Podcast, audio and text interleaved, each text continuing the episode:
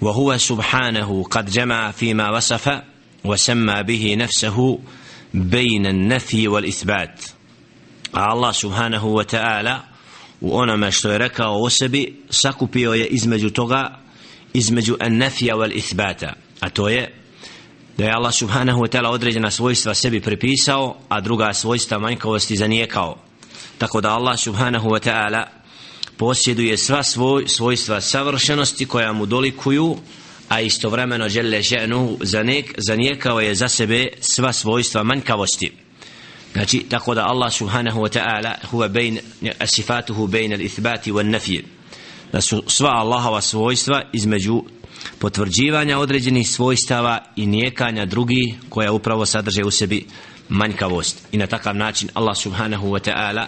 je onaj koji je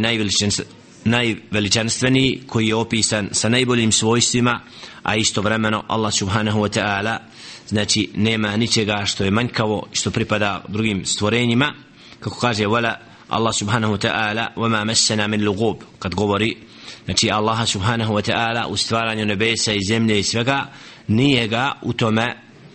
nikakav umor znači ne prati i to je dokaz o savršenosti i veličini Allaha subhanahu wa ta'ala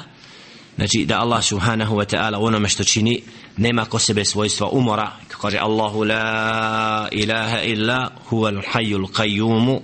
la ta'khuduhu sinatun wala nawm. Allah je nema drugog boga da on subhanahu živi koji sve obdržaje i koga ne uzima drijemežni san.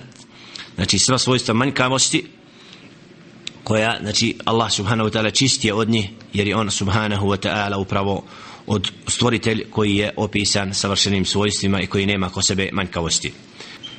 Al-Muallif rahmetullahi alejhi okončava govor po ovom pitanju vjerovanja u Allahova svojstva i ono što Allah Đelešenu rekao o sebi kontekstom koji je u suratu As-Safat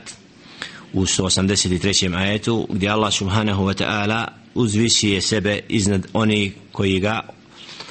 opisuju onim što mi ne pripada pa kaže Đelle šanu Subhana rabbika rabbil izzati amma jasifun wa salamun ala mursalin walhamdulillahi rabbil alamin. A tvoj gospodar je iznad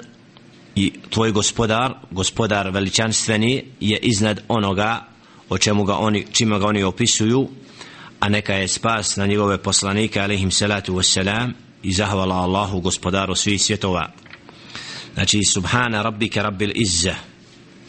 Slavljen je riječ subhana znači Allah subhanahu wa ta'ala je čist i daleko od onoga o čemu, čemu ga opisuju oni koji ne znaju. A on je gospodar veličanstveni znači Allah subhanahu wa ta'ala je se iznad onoga kako ga opisuju oni koji ga nisu dokučili i koji govore o stvoritelju subhanahu wa ta'ala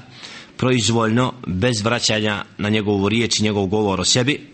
wa salamun ala mursalin a neka je spas na njegove poslanike. To jest neka je spas na poslanike koji su istinu prenijeli i dostavili od stvoritelja subhanahu wa ta'ala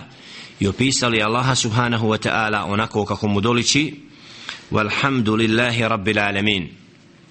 I zahvala Allahu gospodaru svih svjetova. Znači ovaj kontekst i konac i završetak same surat Safat upravo ističe kako je Allah subhanahu wa ta'ala čist od svih manjkavosti i od svega onoga što o njemu govore oni koji ne znaju i da je on gospodar svih svjetova dželle še'nuhu dostojan hvale i zahvale kako upravo mu priliči stvoritelju nebesa i zemlje koji je dostojan da mu sve robuje da mu bude sve podređeno i da je Allah subhanahu wa ta'ala daleko od onoga poimanja koji govore Allahu subhanahu wa ta'ala oni što ne, ono što ne znaju.